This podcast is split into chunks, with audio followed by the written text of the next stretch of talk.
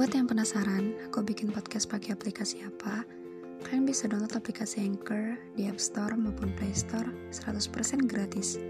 Selain gampang dan mudah banget, Anchor juga sudah menyediakan semua kebutuhan untuk membuat podcast kamu, termasuk untuk mendistribusikan podcast kamu ke Spotify dan platform lainnya.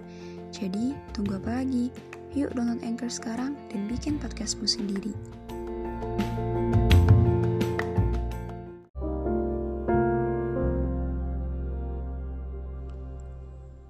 Bu, coba aja Bapak masih ada. Kita bisa mikul beban ini sama-sama. Bu, coba aja Bapak masih ada sama kita. Kita nggak akan nanggung beban ini berdua. Aku nggak akan ngerasa bersalah kalau ada banyak hal yang terjadi di luar kendaliku.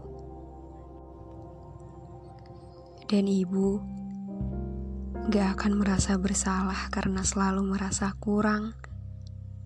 Entah ibu merasa kurang memberiku kasih sayang atau hal-hal yang aku perlukan. Andai bapak enggak ninggalin kita waktu itu, aku mungkin bisa lebih terbuka, Bu. Bu, maaf aku gak bisa jujur dan cerita banyak tentang perasaanku. Ada banyak hal menakutkan bersarang di kepala tentang jadi apa aku nantinya.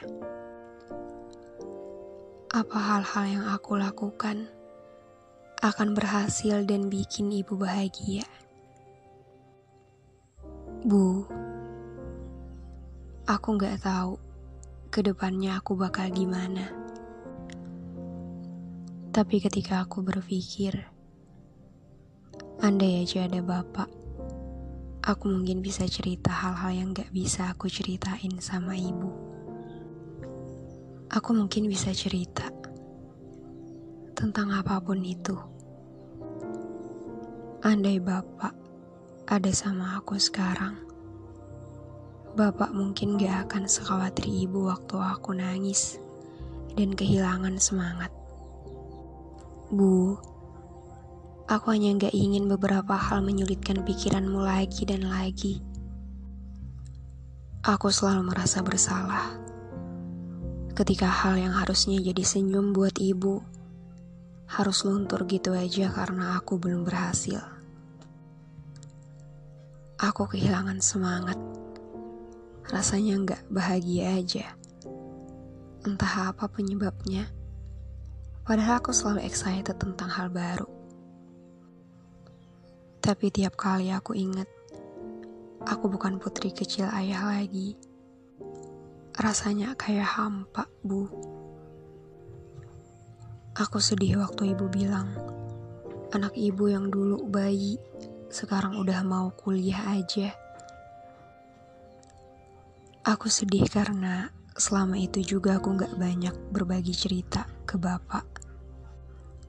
Sedangkan ada banyak hal yang mau aku ceritain sama dia. Yang lebih menyedihkan adalah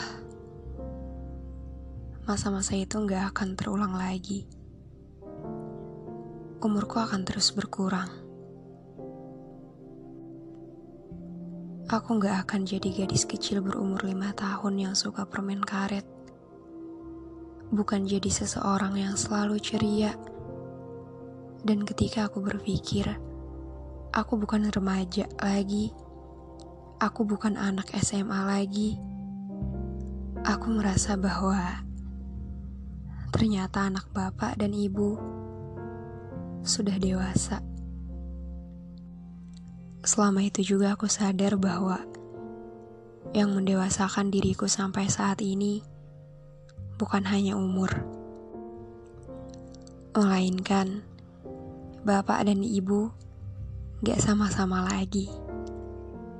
Dan hal itu adalah hal yang paling mendewasakanku sampai saat ini.